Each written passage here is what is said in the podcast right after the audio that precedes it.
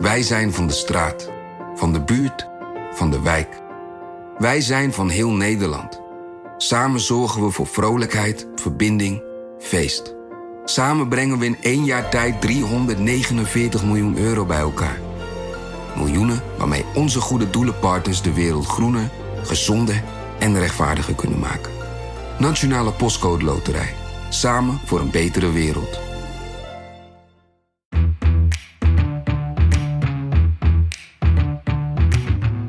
Dit is Haagse Zaken van NRC. Mijn naam is Lenia Aharwar.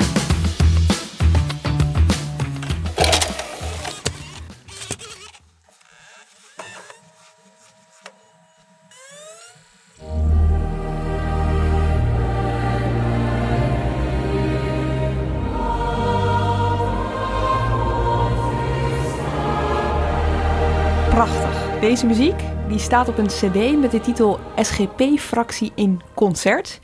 En een jaar geleden, toen ik in Den Haag begon, toen eh, verscheen deze cd op miraculeuze wijze op mijn bureau, op de redactie.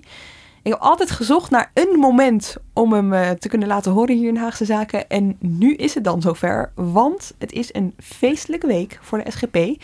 Sinds vrijdag is eh, de SGP de oudste landelijke partij die ooit bestaan heeft in Nederland. In deze aflevering van Haagse Zaken hoor je over de ontstaansgeschiedenis van de SGP, de grondbeginselen en standpunten. En we onderzoeken of die in de afgelopen 101,5 jaar ja, een beetje zijn meegegaan met de tijd. Dat doe ik met Pim van der Dol. En Pim, dat is nu zo lang bestaan. Nou, dat is leuk voor ze, maar er is nog een andere reden waarom jij bij ons langskwam eh, met de vraag: kunnen we het eens over de SGP hebben? Ja, klopt. Nou, de partij heeft een hele bijzondere geschiedenis. Daar gaan we het natuurlijk eh, straks uitgebreid over hebben.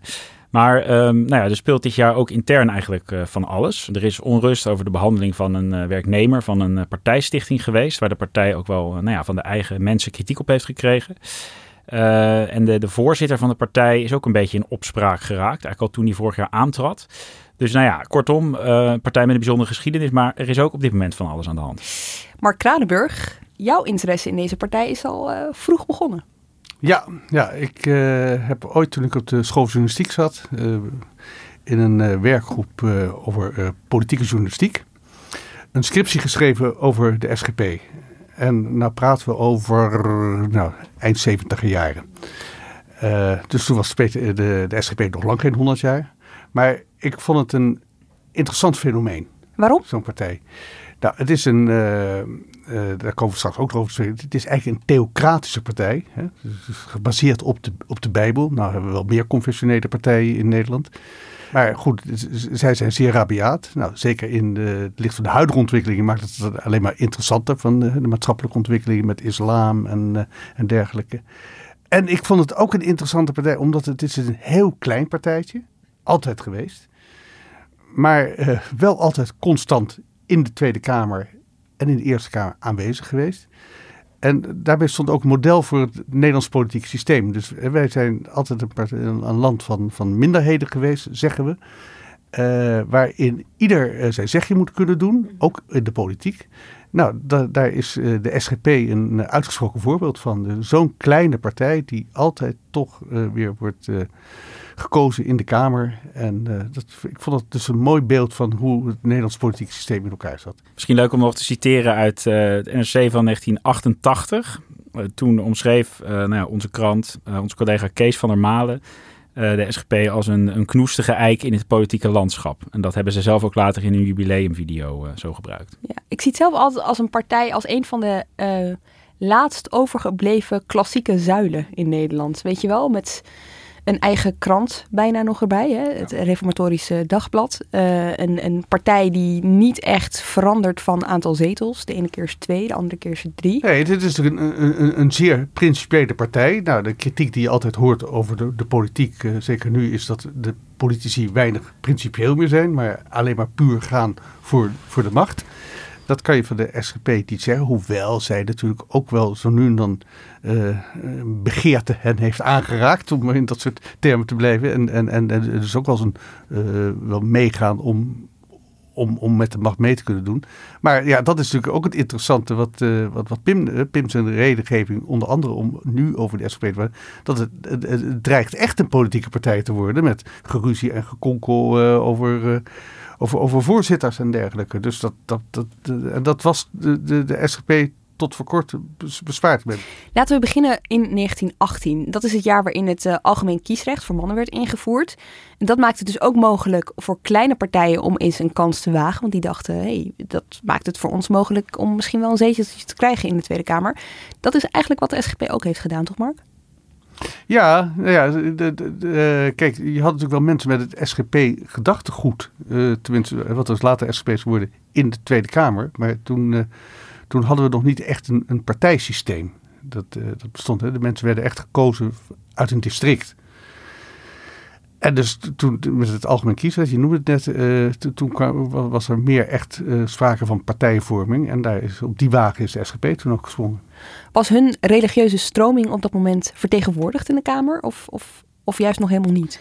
Nou ja, dat zullen ze zelf zeggen van niet. Uh, maar Kijk, de, de, de, de, de protestantse kerk kent zoveel verschillende stromingen. Dat, dat, dat, dat is ook wel eh, zoveel leden, zo, zoveel ideeën en, en zoveel uitleg van, van de schrift waarop zij zich baseren. Uh, maar kijk, wat er het dichtstbij kwam, uh, dat was de, de antirevolutionaire partij. Dat was een partij die al veel langer bestond. Maar die gingen samenwerken met de katholieken? Die, ja, pas veel later. Ja. Ja, ja, ja, ja, ja. Dat, de, die zijn in, in, in, in eind jaren zeventig met de katholieken gaan, gaan samenwerken. Maar dat was een partij die wel een beetje dat gedachtegoed vertegenwoordigde. Maar zo streng en zo scherp als de SGP, uh, ja, dat, dat hebben we toen nog niet gezien. En waar, waar begonnen ze mee? Wat was hun belangrijkste agendapunt? Waartoe waren zij op aarde? Ja, het belangrijkste is dat zij dus in 1918 wel zijn opgericht, maar niet in de Tweede Kamer terecht zijn gekomen.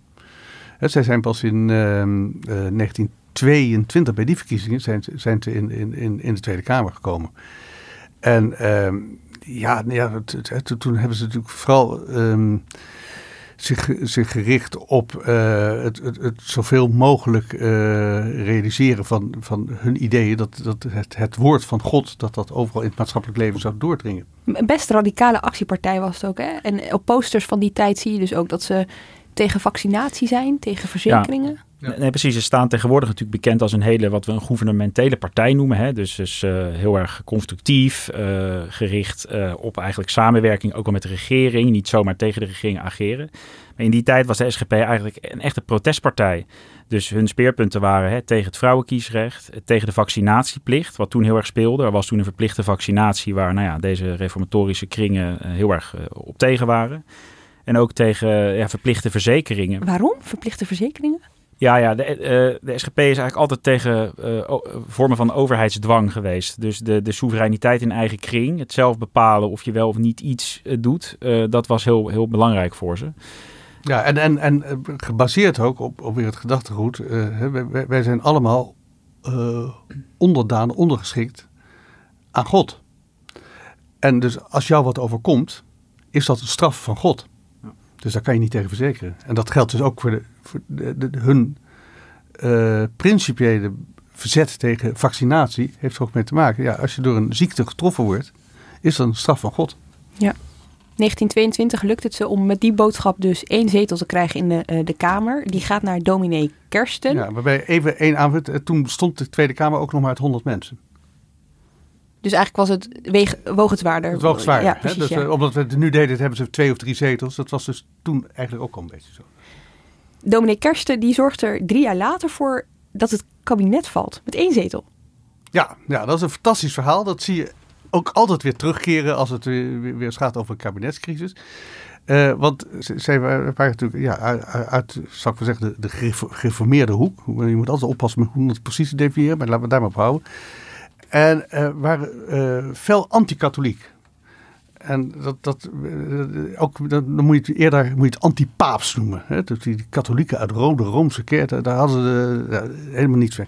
En toen, die dominee Kersten heeft dus een keer midden in de nacht... Van 10 op 11 november 1925. Heel goed, je hebt je goed voorbereid. toen het al, eigenlijk ja, zo'n zo, zo debat dat pruttelt een beetje. En die kwam opeens met een amendement een wijzigingsvoorstel op de begroting buitenlandse zaken. Want op de begroting buitenlandse zaken, daar, daar staan allemaal uh, kosten voor, uh, voor diplomatieke vestigingen.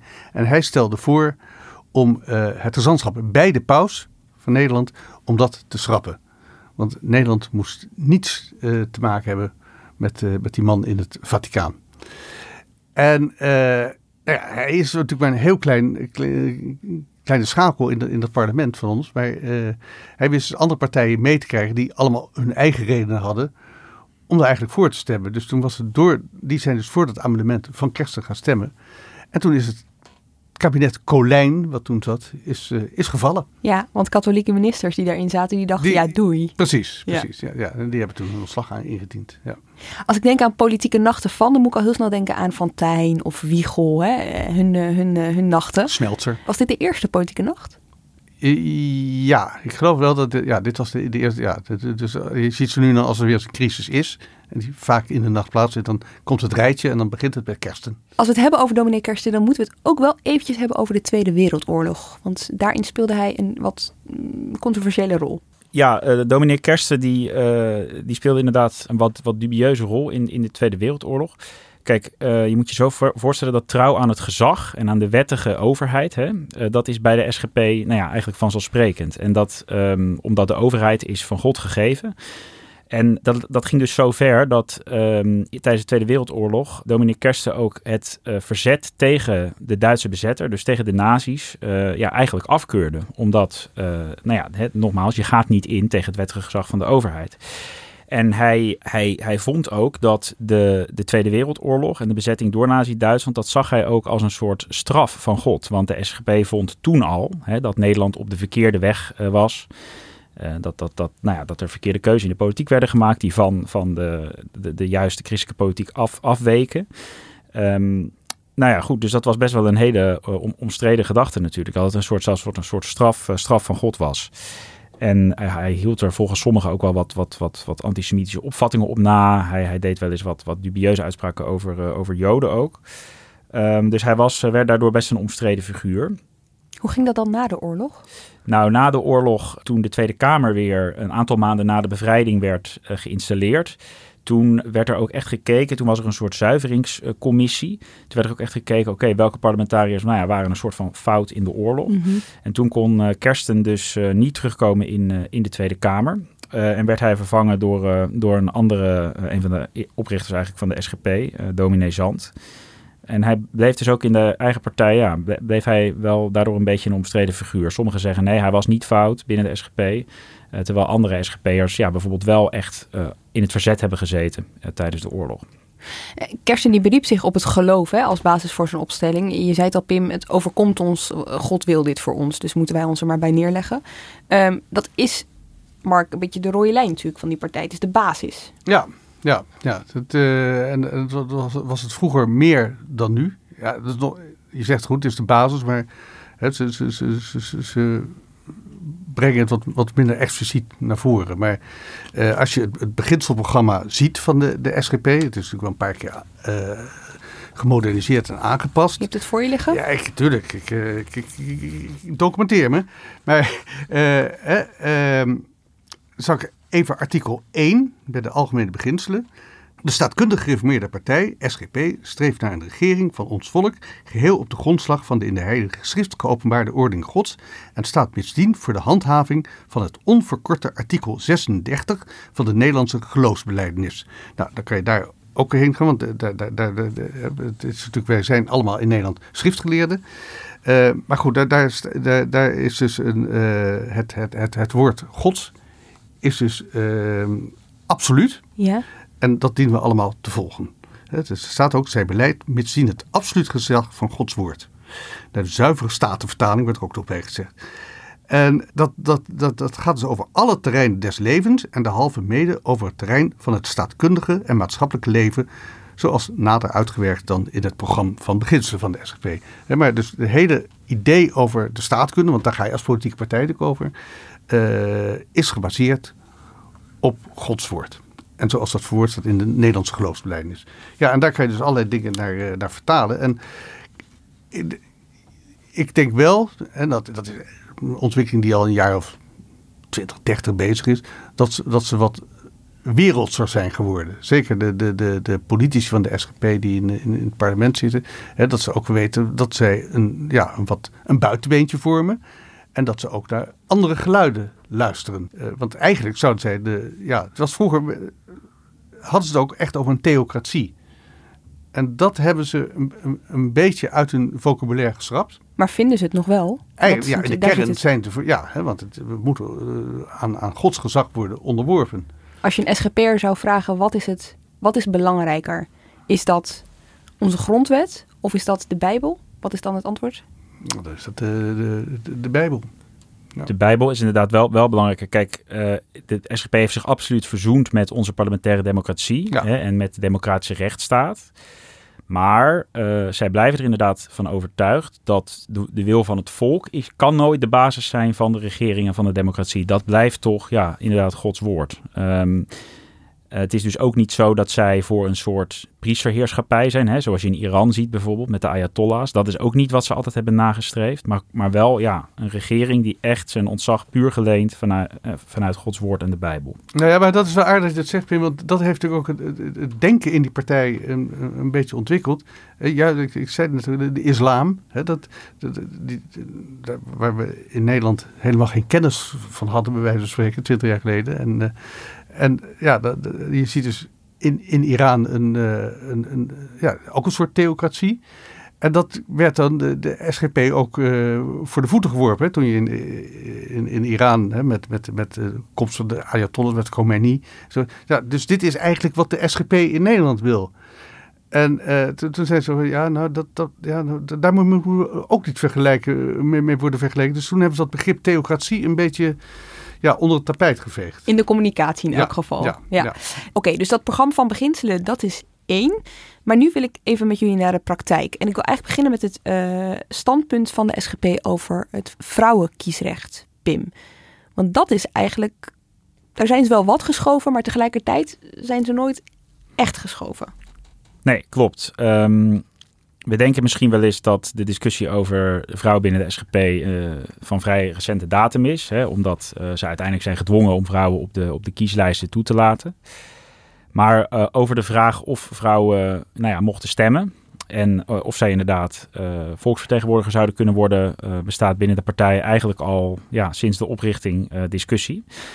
Um, er is een mooi voorbeeld dat hè, de SGP, wat ik in het begin zei, een van de speerpunten was tegen het vrouwenkiesrecht dus een officiële lijn was: vrouwen moeten niet gaan stemmen. Alleen uh, in die beginjaren uh, dachten de SGP-prominenten daar eigenlijk al anders over. Zo was bijvoorbeeld bekend dat de vrouw van, van dominee Kersten ging inderdaad absoluut niet stemmen. Maar het was een publiek geheim binnen de partij dat de vrouw van dominee Zand, uh, medeoprichter, dat die gewoon wel ging stemmen. De voorlichter van de Kamerfractie, Menno de Bruyne, die ehm, vertelde mij deze week ook nog een verhaal. Dat hij had twee oma's in die tijd. En uh, nou, de ene oma die, die volgde helemaal de officiële partijlijn. Dus het eerste wat hij deed was dat als het stembiljet binnenkwam, was het verscheuren, in de prullenbak gooien. Dat, was, dat kon toch absoluut niet, vrouwen naar de stembus. Maar die, eh, zo'n andere oma, die, uh, ja, die was in de familie juist bezig om uh, de vrouwen naar de stembus te krijgen. Dat is de grap. Ik kan voorstellen dat de SGP het wel nodig had dat die vrouwen. Nou, dat is natuurlijk ook ja. het, het frappante. Um, de vrouwenstem kon natuurlijk heel belangrijk zijn voor inderdaad de SGP in die begintijd ook. Van halen we wel daarmee een zetel of, of, of genoeg zetels. En wat ook nog speelde was dat uh, er in die tijd in Nederland een opkomstplicht was. Oh ja. Dus de SGP-vrouwen werden eigenlijk gedwongen om naar de stembus te gaan. Uh, en in die eerste jaren, uh, daar heb ik hier nog een heel aardig voorbeeld van, uh, was het dus ook zo dat er een aantal SGP-vrouwen een keer zijn opgepakt, omdat zij, omdat de, nou ja, de justitie erachter was gekomen dat zij niet naar de stembus waren gegaan. En Kersten heeft daar toen ook een schriftelijke kamervraag, dat was in 1926 overgesteld. Heel even kort, het mooie oude taalgebruik, aan de minister van Justitie kan uw excellentie mededelen of het bericht waarheid bevat? Dat vanuit Apeldoorn per vrachtauto vrouwen, wonende te Uddel, door Rijks- en gemeentepolitie uit haar woningen zijn gehaald omdat zij niet voldoen aan de opgelegde stemplicht, die, in, die zij in strijd achten met de roeping der vrouw in Gods woord gewezen? Nou, dat was dus eh, een vraag aan. Totaal geen wollig gebruikt verder. Nee. Lekker helder, to the point. Maar eh, dat, uh, nou ja, de SGP-vrouwen werden dus in die tijd zelfs uh, ja, opgepakt. daar hebben ze althand, er is dit een voorbeeld van. Toen waren de meningen eigenlijk nog een beetje verdeeld, wel of niet gaan. We spraken net over het beginselprogramma. Nou, daar staat ook in, hè, in artikel 7... Uh, Gods woord leert dat man en vrouw krachtig de scheppingsorde... een eigen specifieke van elkaar onderscheiden roeping en plaats hebben ontvangen. In deze orde is de man het hoofd van de vrouw. Dus dat die... Uh, uh, die tekst uit het beginselprogramma is nou ja, nog altijd de, rechtvaardiging dat de officiële partijlijn is ja, dat het regeerambt en dus ook het, uh, het ambt van volksvertegenwoordiger niet aan de vrouw, dat de vrouw zich niet in de politiek moet mengen. Eind jaren 80 kwam in het beginselprogramma te staan dat de vrouw eigenlijk zelf mocht kiezen of ze wel of niet zou willen stemmen. En dan ging het meer om het geweten dan Gods woord, vonden een aantal mensen binnen de partij. Nou, precies dat uiteindelijk om die reden het beginselprogramma werd aangepast. Dat za, zag zeg maar een, een kleine groep uh, conservatieve krachten binnen de SGP inderdaad als ja, uh, een onacceptabele uh, nou ja, verwatering zeg maar, van, van, ja, van wat er eigenlijk in het beginselprogramma stond. dus dat de vrouw het zelf wel kon beslissen. Ja, dat, dat, dat ging helemaal in tegen wat God had, had, had geschreven. Maar het interessante is wel dat die wijziging in het beginselprogramma kwam voort uit dat er binnen de partij vrouwen opstonden die dus lid wilden worden. Dus je ziet daar dat uh, het beeld is natuurlijk uiteindelijk, we komen het zo nog even over te hebben, maar dat de SGP is uiteindelijk gedwongen natuurlijk om vrouwen op de kieslijsten toe te laten. Maar de discussie van moeten vrouwen lid kunnen worden, moeten zij actief kunnen worden in de SGP, die begon dus in de jaren tachtig eigenlijk omdat SGP-vrouwen zelf daarover ook begonnen. Ja, maar dat is één, hè? actief worden binnen de partij. Maar vervolgens ook echt uh, ja. politieke ambtsdrager te worden namens de SGP. dat is natuurlijk wat anders voor vrouwen. Ja, nee zeker. Dat, dat is natuurlijk wel weer echt een stap verder. Uh, en dat is iets wat uh, ja, de partij... Dat was het, was het compromis ook. Waar ze elkaar van, nou oké, okay, goed, stemmen, dat, daar leggen we ons ook op neer. En dan lid worden, oké, okay, want hè, je kan, kan een theorie opbouwen. Dan, ja, als je gaat stemmen, dan moet je je oriënteren op een, op, op, op een partij. En dan moet je ook mee kunnen doen met een partij. Dus moet je ook lid kunnen worden. Dat kan je dus allemaal nog ook volgens de Bijbelse norm kan je dat inpassen. Maar dan de volgende fase kan je dan ook namens een partij zitting nemen in Tweede Kamer, gemeenteraad. Ja. En dat is dan weer een brug te ver. Ja. ja. Wat, wat natuurlijk die discussie werd eerst intern gevoerd en daarna werd het ineens landelijk gevoerd. Weet je wel, was het een onderdeel van een maatschappelijk debat. En dat kwam door een rechtszaak. Ja, dat kwam inderdaad door, uh, door een rechtszaak wat, uh, die werd aangespannen door um, een vrouwenorganisatie, het Clara, Clara Wigman Instituut. Uh, en die wilde dus afdwingen dat de SGP vrouwen zou gaan toelaten op de, op de kieslijsten echt. Ja. En, en dat was dus eigenlijk ook een heel principieel debat wat veel verder ging dan alleen de SGP. Maar hè, mag je een, dat staat bij ons ook in de grondwet, vrijheid van vereniging, vrijheid van vergadering. Dus mag ja. je een organisatie dwingen om vrouwen uh, uh, lid te laten maar, te zijn. Ja. Nou ja, en dat is inderdaad interessant hoe het toen gegaan is. Want de, de rechtbank Den Haag heeft toen in eerste instantie gezegd... Uh, ja, dat moet inderdaad kunnen. Um, maar de Raad van State bijvoorbeeld, zijn nog weer een jaar later...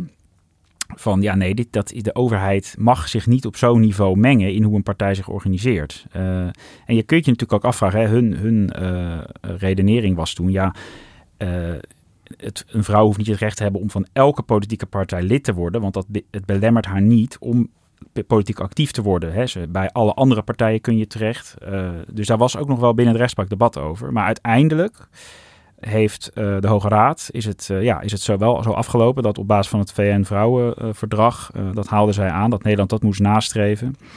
Ja, werd de SGP dus gedwongen om vrouwen op de kieslijst toe te laten. Um, het was dus pas in 2010. Dat was pas in 2010. Dat is pas ja. negen jaar en, geleden. Ja. Dus in 2006 mochten vrouwen echt lid worden van de SGP. Maar daar was overigens niet iedereen even blij mee. Bent u er blij mee dat vrouwen de volgende keer erbij mogen zijn?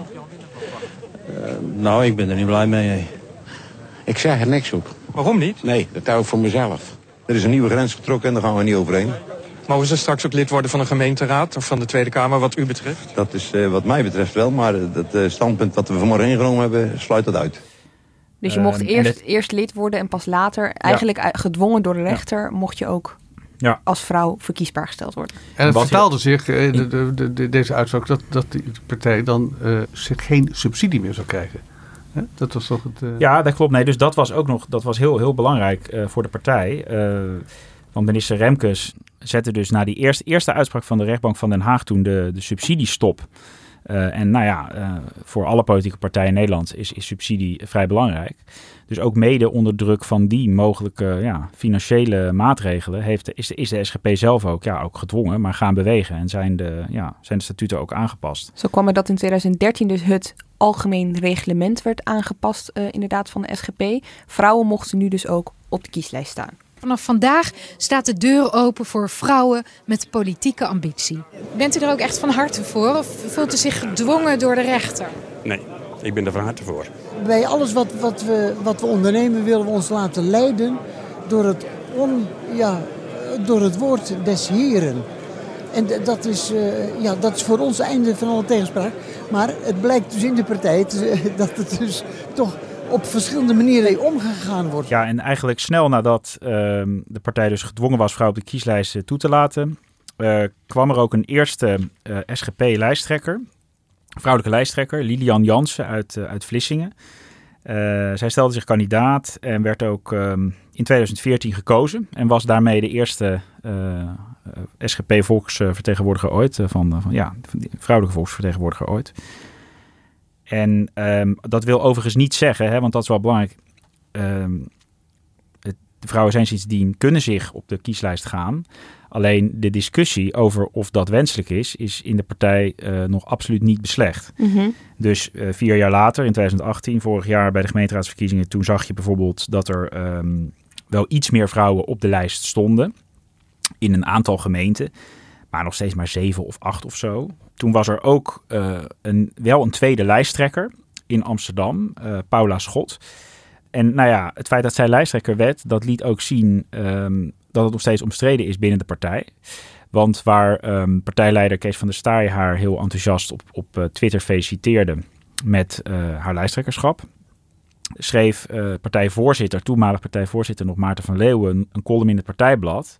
Waarin hij eigenlijk het traditionele standpunt weer verkondigde. Van ja, kijk, het kan wel zijn dat wij de statuten hebben moeten openstellen voor vrouwen. Maar het blijft vanuit de Bijbel onwenselijk dat um, vrouwen zich echt kandideren. Dus uh, hij, hij weigerde ook om haar uh, te feliciteren toen met het lijsttrekkerschap. Dus wow. dat was ook nog weer een soort relletje in de partij. Ja, en je noemt nu de gemeenteraadsverkiezingen. En uh, die van 2014 en die van 2018. Maar tussendoor hebben we natuurlijk Tweede Kamerverkiezingen gehad. En op die lijst, ik heb nog even voor me, even de voornamen. Kees, Albert, Roelof, Bert-Jan, Chris, Geert, Jan, Hans, Joost, Evert, Arnold, Peter, Leendert, André. Zo gaat het door tot nummer 30, alleen maar mannen. Ja, nee, de eerste, kan, het eerste kandidaat Kamerlid, vrouwelijke kandidaat Kamerlid voor de SGP, dat, dat, dat is er dan gewoon nog echt niet geweest. En dat zou weer een soort nieuwe revolutie binnen de partij zijn hoor. Als er uh, een keer een, een, vrouw op de Kamerlijst komt. Dat is echt nog, dat, ja, dat is echt nog weer een stap verder. Dat ja. gaan wij niet meer meemaken, denk ik. nou, wat een hoopvolle gedachte dit. Ja, deze partij is nu 100 jaar. Die wordt ook 300 jaar. Dus misschien over 200 jaar of zo. Dus, ja. Maar wie weet, hè, iemand als Lilian Jansen, wie weet uh, dat zij... Uh, het gaat doen zij zelf, heeft, uh, ja. ja. precies. Zij is wel succesvol. Zij heeft ook daar bij de, in 2018 vorig jaar de zetelaantal weten te verdubbelen. Ja. Dus wie weet dat zij, dat zij die ambitie een keer heeft. Volgend onderwerp, godsdienstvrijheid. Daar moeten we het ook nog eventjes over hebben. De houding van de SGP um, ja, tegenover andere godsdiensten. Ja, nou ja, daar hebben we het natuurlijk al een beetje over gehad toen we het over, over kersten hadden. Uh, hun, streng uh, anti-katholieke houding. Uh, ik weet ook dat dat, ik weet, dat heb je uit, uit de boeken dat in 1939, toen iedereen vol was van het, het, het, het, het fascisme, dreigend fascisme vanuit Duitsland, uh, toen was de paus, uh, paus Pius was overleden. En toen was er ook een herdenking in de Tweede Kamer. En toen is dezelfde dominee Kersen is ook uit de Kamer vertrokken, want hij wilde niet bij zijn. Dus dat, dat geeft ook een beetje de houding. Dus ja, fel tegen die, die kerk. En, uh... Jij noemde Mark eerder even artikel 36 van de Nederlandse geloofsbeleidenis. En dat is ook hier heel fundamenteel voor die discussie van is de SGP, moet de SGP wel of niet voor, voor godsdienstvrijheid zijn? Uh, want daarin stond, hè, en dat is, dat is nou ja, ook een voorbeeld van best wel zo'n radicale tekst, uh, hè, dat het aan de overheid ook is om te weren en uit te roeien alle afgoderij en valse godsdienst. Om het rijk van de antichrist te gronden te werpen en het koninkrijk van Jezus Christus te doen vorderen. Dus dat was het idee dat de overheid dus ook echt zeg maar, andere godsdiensten moest bestrijden in het openbare leven. Er was dus wel ook enige tolerantie nog voor bijvoorbeeld katholieken mochten wel uh, hun geloof beleiden, maar alleen dan achter in hun eigen kerk en achter gesloten deuren. Een soort van, nou ja, dus dat idee was in het begin van de SGP heel sterk. Van godsdienstvrijheid wijzen wij af. Ze hebben het er heel veel over gehad intern. Er zijn veel discussies geweest. En uiteindelijk zijn ze met een soort van stuk gekomen, waarin... Ja, nou ja, kijk, dat ideaal van een gereformeerde natie, dat is natuurlijk uh, in die 101,5 jaar alleen maar verder uit beeld geraakt. En de godsdienstvrijheid is voor de SGP tegenwoordig juist iets waar zij zich op kunnen beroepen. Hè? Waar zij juist uh, profijt ook van hebben en baat bij hebben. Um, Lijkt me heel dus ingewikkeld, want je kan niet zeggen wij wel, anderen niet. Dat is precies het dilemma. Ja, hè, van de, ja precies, de, precies. Terwijl ze eigenlijk wel, uh, terwijl ze absoluut nog altijd niet vinden dat godsdiensten gelijk zijn en gelijk moeten worden behandeld. Zijn ze eigenlijk um, van standpunt gewijzigd erover? Vinden ze dat, dat, dat, dat je nu anders om moet gaan met niet-christen, met ja, niet gereformeerden? Nou ja, ze, ze zijn dus wel uh, inderdaad in die, in die honderden één uh, jaar uh, zijn, hebben ze er, er, veel over nagedacht. En uh, zijn ze gaan beseffen dat de SGP zelf ook bij die godsdienstvrijheid wel echt, echt baat heeft. Dus waar ze vroeger inderdaad alleen voor gewetensvrijheid waren, dus een soort van het, het, het nou ja, um, in eigen kerk of in eigen huiskamer een andere godsdienst mogen beleiden, hebben ze de godsdienstvrijheid toch wel meer omarmd. Dus waar ze vroeger een beetje de slogan hadden: geen godsdienstvrijheid, wel gewetensvrijheid, zou je die nu eigenlijk uh, kunnen vertalen als wel godsdienstvrijheid, maar geen uh, godsdienstgelijkheid. Dus ze zijn er nog wel steeds voor om ja, niet alle godsdiensten gelijk te behandelen. Um, en een, een aardig voorbeeld daarvan is wel dat uh, Kees van der Staaij uh, tien jaar geleden de, de, de, bijvoorbeeld de, de minaret, minarettenmotie indiende. Overigens, voor de SGP kwam daar deze week nog overigens in de Tweede Kamer opnieuw over in conflict met Denk. Wel aardig, dat ging ook weer precies hierover. Ehm, het maakt enig verschil of de klassieke middeleeuwse klok over het dorp luidt of over de stad of Allahu Akbar. En dat is dan nog een kreet die in bepaalde context helemaal schrikreacties oproept. En in die zin zou, uh, zou dus. Kijk, als de, als de moskee, dat, misschien kunnen we daar elkaar op vinden. Stel nu dat de moskee een kerkklok in de minaret hangen. En die luiden. Is dat een oplossing? De heer Ik bedoel, Usturk. Ja? Het is verschillend van u, aard. Moet, u moet zich schamen dat uw achternaam bisschop is. Um, dat de SGP dus hè, beperkingen wil opleggen, soms in gemeenten, aan het, het, nou, de oproep tot gebed vanuit moskeeën. Uh, en daar zie je dus nog steeds terugkomen hun oorspronkelijke idee natuurlijk toch eigenlijk wel over hoe de overheid uh, op dit vlak moet optreden. Hè? Dus, dus ja, de islam wordt natuurlijk niet gezien als een, dat is geen gelijkwaardige godsdienst, vinden zij. En in het christelijke Nederland moet je die dus niet evenveel ruimte geven als, als het christendom. Dus, nou ja, maar ze zeggen dus, verbieden zeggen ze niet. Je mag het niet nee. verbieden, maar ze willen wel zoveel mogelijk inperken. Dus ze hebben ook een speciale notitie over de islam uitgebracht een, een paar jaar geleden. Want, omdat iedereen vroeg natuurlijk, uh, nou, ja, uh, uh, jullie als, als, als, als, als, SGP, dat is toch, toch ook een soort, soort polder-islam. En hoe staan jullie dan tegenover de islam? En dus daar, daar hebben ze dus wel in eigen keer over nagedacht. Polder-Taliban werden ze ook Polder genoemd. Dat vonden ze verschrikkelijk. ja, ja, ja. ja. Oké, okay, dan een onderwerp van de SGP waarin ze ook iets anders denken dan de meeste partijen in de Tweede Kamer, de medisch-ethische kwesties. Ja, Mark. Wat ze vinden van euthanasie en abortus is makkelijk samen te vatten in tegen. Ja, nou ja, goed. Wat dat betreft zijn ze natuurlijk niet, niet een unieke partij. Uh, we hebben jarenlang in, in, in, in Nederland uh, met, met, met drie confessionele partijen uh, hadden eigenlijk min of meer hetzelfde geluid. We hebben in, in Nederland een eindeloze discussie gehad over het al dan niet toestaan van abortus. Uh, en die, daar waren de, de, de, ik zou maar zeggen, de grote confessionele partijen hadden daar ook een geharnast standpunt in. Die zeiden, ja, die waren voor het beschermd leven en beroepen zich daarbij ook op, de Bijbel. Nou, die zijn als gevolg van coalitiepolitiek en dergelijke, hebben ze uh, gaandeweg neergelegd bij de, de, de huidige abortuspraktijk die we krijgen. Nou, een soortgelijke discussie heb je over euthanasie gehad en heb je ook. En ja, de, de, de, SGP zegt dan ook, ja, wij huldigen het, het, het, enige zuivere principiële standpunt. En jammer dat die andere partijen dat hebben verlaten. En, uh, ja, dat, dat, en beroepen ze dan ja, echt authentiek op de Bijbel. Ja, en de, de, de invoering, zeg maar, van hè, bijvoorbeeld de euthanasiewet ook uh, in 2001. Dat, uh, dit was voor de SGP natuurlijk en de ChristenUnie ook hoor. Maar wel echt zeg maar een, een ongelooflijk pijnlijk moment in überhaupt de Nederlandse geschiedenis. Je moet je voorstellen hoe, hoe erg zeg maar de, deze partij dit ook vanuit hun, hun geloofsopvatting vindt dat dit, dit, dit mogelijk werd. Hè. Dus Bas van der Vlies zei toen bijvoorbeeld van... Hè, in dat debat over de euthanasiewet. Van, hij was hè, toen hebben, fractievoorzitter. Ja, hij was toen fractievoorzitter. Hè, uh, dat ik sta hier met pijn en verdriet vanwege het feit dat onze wetgevende macht er helaas blijk van geeft um, niet, uh, zich niet op Gods heilzame geboden te willen oriënteren. Uh, pijn en verdriet omdat ons land zich daardoor verder losmaakt van de inzettingen die naar onze diepste overtuiging goed zijn voor de gehele samenleving. Als er zo'n wet werd aanvaard, dan werd dat met applaus begroet en dat sneed ons door de ziel. Uh, bij de euthanasie-discussie speelt dat in de diverse stadia een rol. In de laatste situatie die ik heb meegemaakt, heb ik een beroep gedaan op de Kamer in mijn afrondende toespraak om niet te applaudisseren, omdat men dan de gevoelens van de tegenstanders te veel schoffeerde. En Warempel, er is toen niet geapplaudisseerd. Dus dat is natuurlijk wat je in die lange geschiedenis ook hebt gezien. Dat SGP'ers zijn toch ook heel uh, ja, bedroefd uiteindelijk over de weg die Nederland natuurlijk is opgegaan. Soms ook wel een beetje hard of kort door de bocht, als ik het zo mag zeggen. Je had natuurlijk dat artikel in 2017 in de Wall Street Journal van Kees van der Staaij. Er was toen enorm veel ophef over. Dat uh, droeg de titel in de Netherlands The Doctor Will Kill You Now. Dat ging over euthanasie. Dus af en toe... Ja, ja. ja zij beweren, het was natuurlijk wel de kop van het artikel. Ik weet nog dat ze toen beweerden van ja, wij hebben de kop niet gemaakt.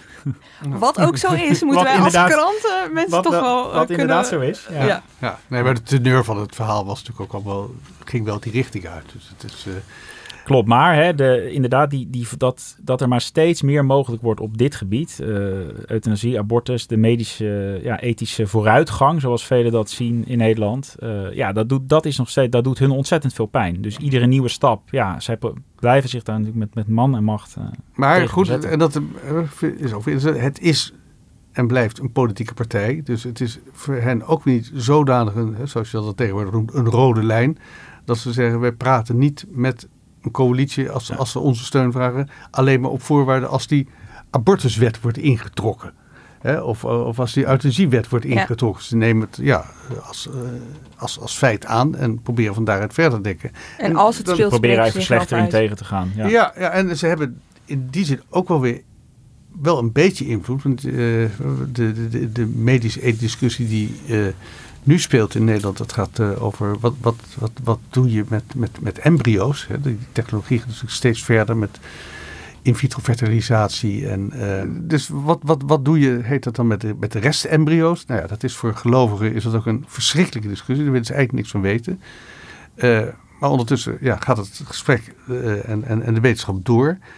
En ik weet het, toen, toen, toen de, de, de gedoogsteun van, van SGP, maar ook van ChristenUnie uh, uh, aan de orde was, dat het kabinet toen wel, dat is niet het huidige kabinet, maar een vorig kabinet, daar toen uh, een beetje pas op de plaats heeft gemaakt, juist om de steun van die kleine christelijke partijen, waaronder de SGP, te kunnen behouden. Dus toch wel dus daar hebben ze wel, daar hebben ze wel invloed, ja. ja, ja. ja. Overigens, uh, dit speelt vaak pas als het speelt, uh, om, maar op zijn, om het maar op zijn kruifiaans te zeggen. Hè. Dus uh, ze laten pas heel hard van zich horen op het moment dat die discussie ook gevoerd wordt. En daardoor vergeet je soms ook een beetje dat zij er zulke standen op nahouden. En ik vond dat heel duidelijk blijken toen Kees van der Staaij zijn handtekening zette onder het Nashville... verdrag, onder de Nashville-verklaring moet ik eigenlijk zeggen. Ja. Um, was toen, dat was een verklaring, nou, Pim, misschien kun je even uitleggen wat erin stond? Ja, dat was een um, uh, verklaring van uh, een groot aantal uh, dominees uit de protestantse kerken. geloof wereldwijd, maar er was ook een Nederlandse versie van. Het werd echt gedreven vanuit Amerika. Ja, hè? precies. maar goed, de, de SGP-dominees, zeg maar, die, die stonden daar massaal met hun handtekeningen onder. Want kijk, iedereen was er inderdaad nogal verbaasd over dat er bijvoorbeeld Nou ja, uh, kort samengevat, uh, huwelijk mag enkel tussen man en vrouw zijn. God accepteert een homoseksueel, maar, maar ja, je mag er nu helemaal niet naar handelen. Dat is hoe natuurlijk de, de orthodoxe protestanten het, het geloven. Het ook het afwijzen van de transgender identiteit. Er werd allemaal heel fel stelling tegengenomen. Uh, en het, ja, mensen schrokken er eigenlijk van dat de handtekening van Kees van der Staaij daaronder stond. Ik denk omdat Kees van der Staaij, de SGP, de afgelopen, wat is het? Nou ja, tien jaar dat hij nu echt partijleider is, een soort van sympathiek gezicht heeft gegeven. Hè? hij is toch een hele ja, handige, sympathieke hij politicus. ja, een beetje wel. Hij, hij heeft een hele hoge gunfactor op de een of andere manier. Ook in media optreden. Dat kan hij heel goed. Maar in alle eerlijkheid, wat er in die Nashville-verklaring staat, is, is dat is gewoon puur het, het gedachtegoed van de SGP. Dus het, het hint er ook op dat homoseksualiteit bijvoorbeeld genezen kon worden. Hè? Ja, ja dat, stond er geloof ik ook nog in. Nou, dat is dan wel weer, uh, dat is dan wel echt wel omstreden. Dat is zelfs geloof ik binnen SGP-kerken en kringen wel omstreden. Um, Soms lijkt het alsof iedereen heel erg gefocust is op de S van de S SGP, hè? dus de staatskundige partij. En ook in de Kamer zie je dat. Er wordt vaak naar Kees van der Staaij gekeken uh, in uh, de, hoe zou ik het zeggen, als er gezocht wordt naar klopt dit wel of hoe, hoe moet de procedure verlopen. En dan loopt hij weer naar de interruptiemicrofoon en vertelt hij Ariep hoe het nou precies zit. En dan vergeten we de G, terwijl die er wel degelijk is. Ja, nee, maar dat is precies de, de, de, de nou niet de gedaanteverwisseling, maar dat, dat hij wordt aangegeven als, hij heet ook het, het staatkundig geweten. Maar ja, het blijft, en dat, dat was inderdaad het verrassend. Dat, dat vond, ik, vond, laat ik het zo zeggen, ik vond het verrassend dat iedereen verrast was door die uitspraak van, van uh, door die handtekening van Van der Staaij. Want ja, jongens, zo zijn ze. En dit, uh, dit, dit is de kern van hun geloof. En uh, ja, dat, uh, dat respecteren we. En, ik, vond in een, in een heel oud boekje met, met de interviews met, met, met diverse prominenten, een interview met een ingenieur van DIS. Dat was een voormalige fractieleider van de SGP. En dat is een interview geweest van Bibeb. Wie kent haar niet? Uh, nou, voor beroemde, wie haar niet kent. Be beroemde interviewer van Vrij Nederland. Dus dit interview komt echt uit de jaren 60. En ze heeft toen ook uh, met uh, de toenmalige fractievoorzitter van DIS een interview gehad. En toen kwam het ook al op het punt van homoseksuelen. En dan zegt Bibeb, volgens u komen homoseksuelen in de hel? En dan zegt Van Dis, natuurlijk. En dan zegt zij, en wat gebeurt er dan? En dan zegt hij, zij zullen hun tongen kauwen van pijn in gezelschap van de duivel, gescheiden van God. Nou, dat, dat is hun gedachte daarover. En um, ja. Is het hun gedachte of is het zijn gedachte? Nou ja, de, de, de, ja, het staat zo niet in hun beginprogramma. Zo wordt in die kringen, in, in, althans in grote delen van die kringen. Iedereen heeft natuurlijk zijn eigen, eigen opvatting. Maar uh, wel hierover gedacht. Als homoseksuelen dus inderdaad hun geaardheid in de praktijk brengen. Daar gaat het dan om. Ja, dus, ja. Uh, het is nog wel opvallend, want in 2017 was, uh, stond er nog gewoon in het verkiezingsprogramma van de SGP dat de doodstraf ingevoerd moet worden. Punt 1. En in hetzelfde verkiezingsprogramma stond ook nog dat het homohuwelijk teruggedraaid moest worden. En toen dacht de partij, nou dat gaan we er maar eens een keer uitgooien. Hè? En de achterban, die wilde dat niet. Die kwam in opstand en zo belandde dat toch nog alsnog in het verkiezingsprogramma. Dus al wilde de partij wel, ja, kun je zeggen, de achterban is nog net wat conservatiever. Want dat, is, zo, en, dat is natuurlijk het principe van, ja, van de achterban, de leden, hè, die staan er wat dichter bij dan de uitvoerders. Hè, die zeggen, ja jongen, maar we moeten ook een beetje in de politiek uh, mee kunnen, bieden en dienen. Hè, dat, uh, wat, dat, dat, wat, wat vroeger, uh, SP, ja, wat, dat, die zaten wel in de Kamer, maar die zag je verder niet. Mm -hmm maar ja, je ziet ze nu wel en ze praten volop mee. En, ja, zij willen dan ook zo min mogelijk belemmerd worden door dit soort ingewikkelde standpunten. Nee, precies. Het was ook voor het partijbestuur toen de reden van ja, ach, laten we het nou niet weer ook in het verkiezingsprogramma zetten, want we worden daar zo vaak op aangesproken en aangevallen. Dus het gewoon slecht voor het imago van de partij eigenlijk.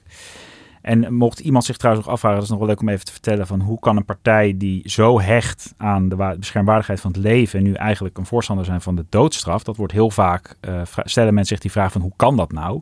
Ik zag ook pas weer mensen uh, reageren op Twitter van, uh, tegen Van der Staaij die dan tegen euthanasie pleiten van ja, maar je bent voor de doodstraf. Maar voor hunzelf is dat absoluut geen, geen tegenstelling. Want zij, zij schrijven daarover op hun website.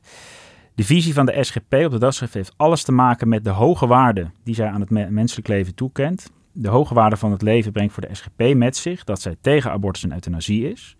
Maar ook dat zij voorstander is van de doodstraf. Want bij een bewust vergrijp tegen het menselijk leven kan de hoogste straf gerechtvaardigd zijn. Dus dan, uh, juist als iemand een moord pleegt, als iemand uh, zeg maar, zich het recht van God Mhm. zeg maar, toe-eigent om een ander leven te beëindigen, dan mag de leven. overheid zich dat zo zwaar vergelden. Dus dat, dat is hun, hun logica op dit vlak.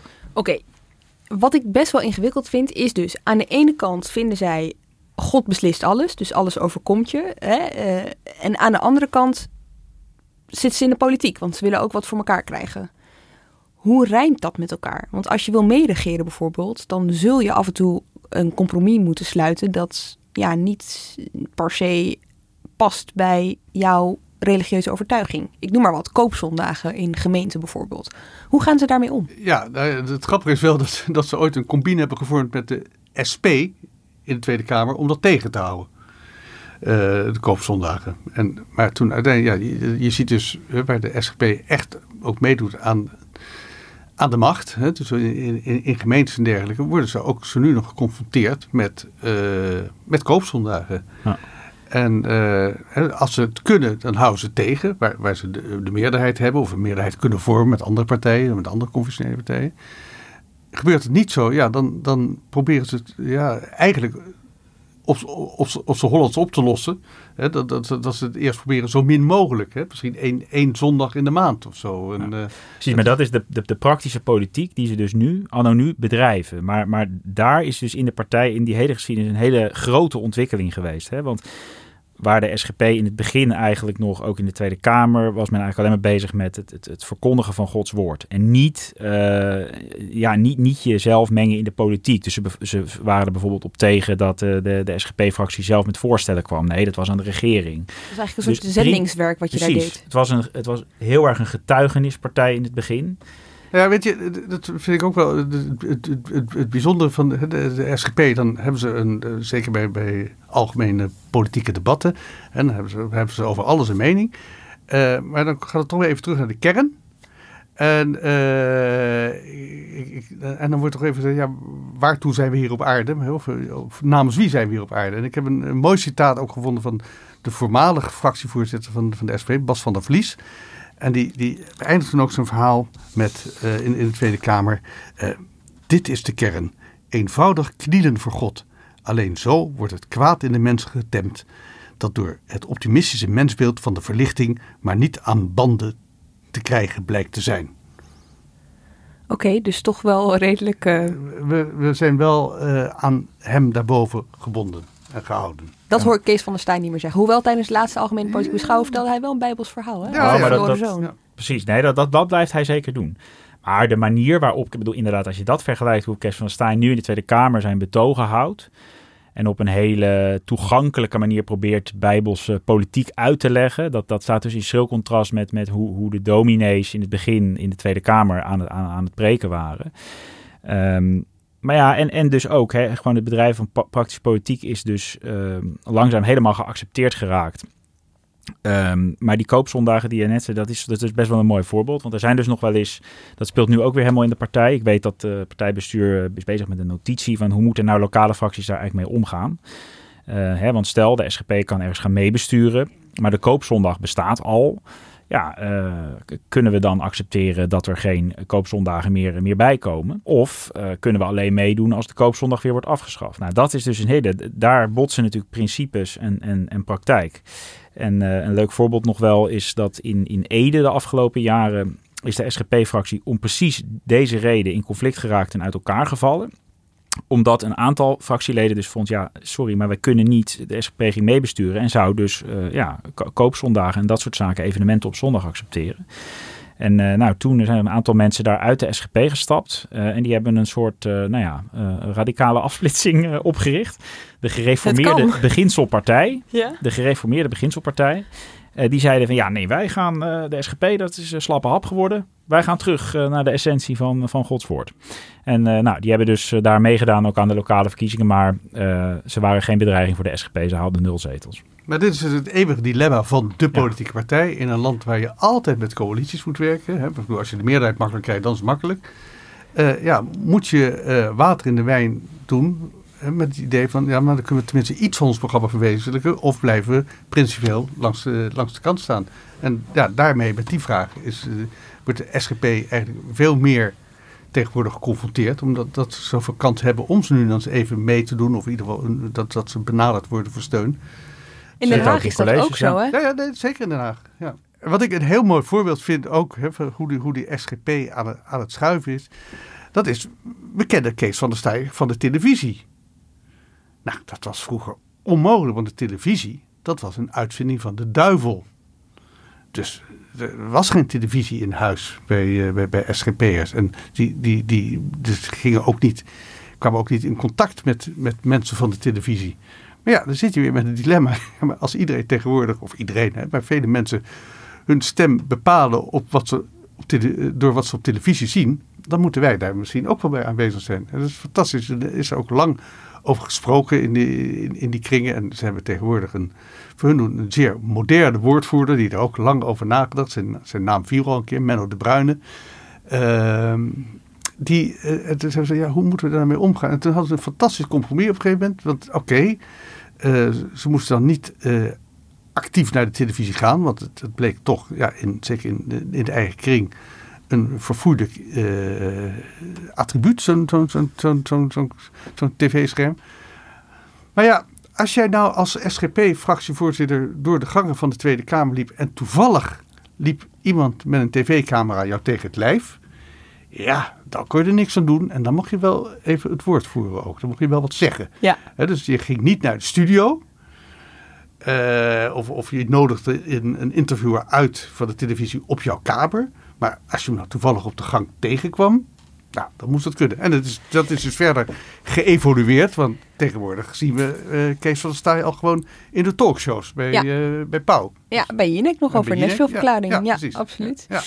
En hun rol, want eh, sinds 2010 zijn ze ook wel steeds meer gedoogpartij geworden, toch? Ik kan mij de vele cartoons nog herinneren over de achterbankgesprekken van de SGP in Rutte 1 was dat. Dat is interessant. Ik, ik heb nog eens even een beetje de geschiedenis ook gedoken.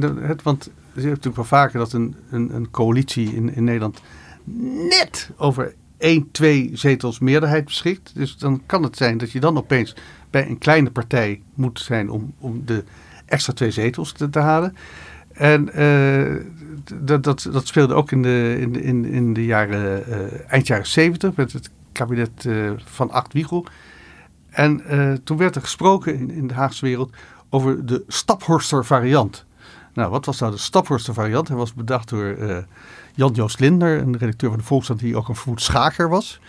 En eh, ja, met, met dus de partijen die uit, uit Staphorst, de christelijke partij, dus dat was vooral SGP, het, ook, ook de ChristenUnie, of toen, toen, die bestond toen niet met GPV. ehm, dan kon je net die meerderheid krijgen. En dat maakte ze dus eh, ja, dat, dat opeens veel meer dan alleen maar die getuigenispartij. Met weinig zetels toch veel invloed Ja, zeker. En in eh 2002 of 3, dan moet ik het even goed zeggen. Toen was er voor het eerst ook sprake van dat de SGP over regeringsdeelname zou gaan onderhandelen. Maar dat ging toen niet door. Daar hebben ze toen toch van afgezien. Omdat ze dat dus nog een stap te ver vonden. Maar eh, sinds 2010 hebben ze natuurlijk wel echt, eh zijn ze voor het eerst eigenlijk in hun geschiedenis een, een machtsfactor geworden. En dat was eh, nou ja, voor de partij ja, ook alweer intern discussie van is dat nou een goede zaak? Dat we, dat we maar nou, dat we kleine dingetjes binnenhalen. Sinds 2010 hè, eh, onderhandelt de SGP eh, ook echt wel mee dus, om soms het kabinet te steunen. En zijn ze intern ook het nadenken over of ze ooit een keer misschien kunnen gaan, meeregeren. Ehm, maar het, jubileumfeest, het 100-jarig jubileumfeest vorig jaar, eh, gaf ook al wel aan hoe, ja, hoe belangrijk die kleine partij eigenlijk in de Nederlandse politiek is geworden. Want wie kwam daar ehm, de, de, de jarige gereformeerde toespreken? Premier Mark Rutte. Ehm, en hij maakte ook nog een, gra- een goede grap wel toen, toen hij zei van, eh, tegen de zaal: van, Nou, wie had nou ooit gedacht dat jullie jubileumfeest zou worden opgeluisterd door een speech van een liberale premier? Nou, ha, ha, ha, die SGP'ers, dat vonden ze allemaal hartstikke leuk. Je was erbij, hè? Ik was er ook bij, inderdaad. En nou ja, aan de, de toonzetting van de speech van Rutte was ook wel duidelijk te merken hoe, hoe, hoe graag hij de SGP te vriend wilde houden. Kijk, je gaat op een verjaardag natuurlijk ook niet eh, allerlei kritiek uiten. Maar de speech was sowieso eh, gespeend van, van enige kritiek. En hij, hè, hij noemde de SGP, eh, SGP'ers mijn vrienden. Eh, hij prees de partij als constructief, eh, rustig, mild. Eh, ja, afspraak is afspraak. Met die partij kan je zaken doen. Dus nou ja, dat, dat, dat, dat gaf alle aan dat de premier daar kwam. En door wat hij zei, hoe, eh, ja, hoe relevant eh, de, de, de partij nu in Den Haag is. Oké, dus ze denken nog na of ze wel of niet mee moeten regeren. Uh, dat is één. Maar tegelijkertijd gebeurt er intern nog meer. En dat toont misschien wel uh, de ultieme politieke volwassenheid aan. Ruzie. Ja, uh, de afgelopen maanden is er wat gedoe ontstaan in de partij. Eigenlijk over twee zaken. om te beginnen, de nieuwe voorzitter van de partij, Peter Zevenbergen, die trad vorig jaar aan. Uh, en bij zijn aantreden al uh, raakte hij meteen in het nieuws, want hij bleek, uh, hoewel hij al twaalf jaar lang geen wethouder meer was in Amsterdam, nog altijd daardoor wachtgeld te ontvangen. Hij had nog een hele riante regeling uit 2006, toen kon dat allemaal nog. Dus wettelijk deed hij niks verkeerd. Alleen was bij de SGP ontstond daar, en zeker in die afdeling Alblasserdam, ja, onrust over van ja, dit is toch niet, dit hoort toch niet dat dat, dat hè, terwijl de man had al lang een andere baan. Um, nou, en uiteindelijk werd dat opgelost doordat de voorzitter beloofde van nou oké, oké, oké, eh, ik ga me het geld wat ik nog ontvang aan wachtgeld schenken aan goede doelen. Nou, uh, oké, dat was een soort van, het compromis. Dat was een soort van compromis. Ja, het andere was, um, en daar, daar was eigenlijk nog wel meer uh, om te doen. Um, de behandeling van een, een, een werknemer van de Internationale Partijstichting. Uh, die, uh, daar, daar heerst een hele verrotte cultuur. Die, die werknemer die, die klaagde daarover. Die is zelfs naar een uh, vertrouwenspersoon gestapt. Um, bij die partijstichting waar, zijn ook een, ook een aantal oudere heren de baas... die er echt al enorm lang zitten. En die dus allerlei leuke reisjes naar het buitenland maken... ook van overheidssubsidie. Um, zelfs bij de SGP. Zelfs bij de SGP. En die werknemer die um, heeft daar in een intern, intern over geklaagd bij een vertrouwenspersoon... Ook over zijn eigen behandeling, want hij werd altijd uh, ja, voor, voor, rotte vis uitgemaakt uh, in vergaderingen. En nou, dat is allemaal naar buiten gekomen via de media, best wel uitzonderlijk. En dat, dat, dat, dat kwam ook omdat ja, veel SGP'ers ook gewoon boos waren over hoe dat dus ging. Um, en dat uh, uh, nou, die, die, die werknemer zijn contract zou, zou, zou worden gehalveerd. En uh, nou, kortom, daar ontstond ook allemaal intern gedoe over. En de partij is daar nog steeds nu al maanden mee bezig. Weer een commissie die daar naar aan het kijken is. Om te kijken van oké, wat is er fout gegaan? En, nou ja, het geeft maar aan dat, ja, dat, dat ook leden van de SGP nu kritisch eigenlijk zijn op hoe het hoofdbestuur soms zaken aanpakt. En um, daar ook anoniem bijvoorbeeld, wel anoniem, want ja, op naam kritiek geven is nog steeds gevoelig. Stap bij stap. Ja. Maar die daar uh, inderdaad uh, toch ook in de media over willen praten. Dus ik heb er ook een aantal keren over kunnen schrijven de afgelopen maanden. Uh, nou, dus het is gewoon een partij met, ja, een partij met interne onrust tegenwoordig. Ja, en, dat, en, er wordt, en er wordt gelekt uit de partij. Dat ja, is nou ja. na, na 101,5 jaar. hè? Ik bedoel, ja, het gaat allemaal rustig aan. Ja. ja. Oké, okay, dan is de logische vraag om mee te eindigen natuurlijk nog 100 jaar? In een steeds nou, meer seculiere ja, samenleving? Dat, dat, is wel misschien nog even interessant te melden. Want eh, de, de, SGP uh, eh, staat ook, zei ik al, staat echt voor Nederland. Maar je hebt natuurlijk ook vaak discussie. Elke keer, we, we hebben tegenwoordig zoveel partijen. En ze ja, kunnen we dan niet net zoals in andere, heel veel andere landen gewoon een kiesdrempel invoeren? He, dus dat je met minimaal 3% van de stem moet halen voordat je in de Tweede Kamer terechtkomt. Maar dan zegt iedereen, ja maar, ja maar ja, maar dat betekent dat de SGP niet meer bestaat. Dat kan toch niet? En, maar goed, die, die discussie over kiesdrempel. Want iedereen zegt, ja jongens, we krijgen wel een heel versnipperd landschap. Dus moeten we dat toch niet anders, een beetje anders doen. En dat geldt trouwens ook voor een andere wijze kiezen van de Eerste Kamer. Dat zou ook wel eens kunnen betekenen dat die kiesdrempel iets gaat veranderen.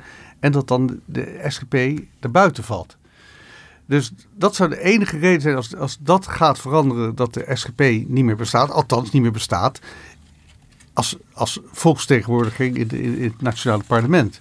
Maar ik neem aan uh, de, waaruit de SGP voortkomt, dat de partij, de beweging, nou die bestaat de komende 100, 2 en 300 jaar ook nog wel.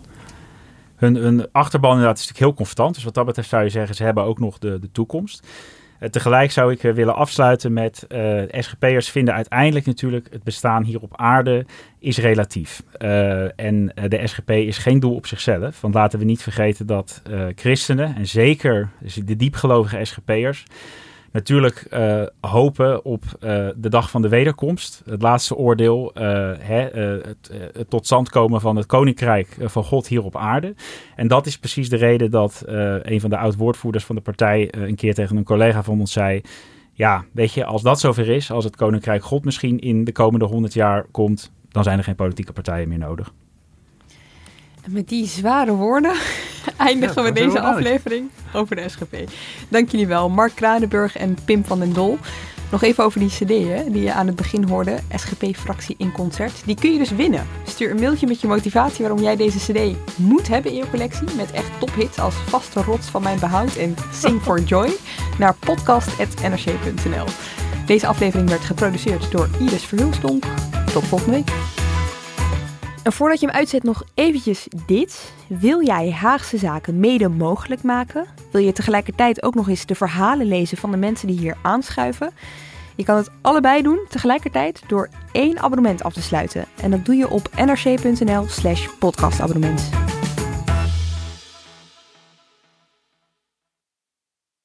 Aardbewoners. Artis nodigt jullie allemaal uit voor het Aardbewonersfestival. Van 15 tot en met 23 juni. Een inspirerend festival over het doorgeven van onze aarde aan de volgende generatie. Vol lezingen, workshops, muziek en nog veel meer. Dus aardbewoners, koop je tickets via artis.nl.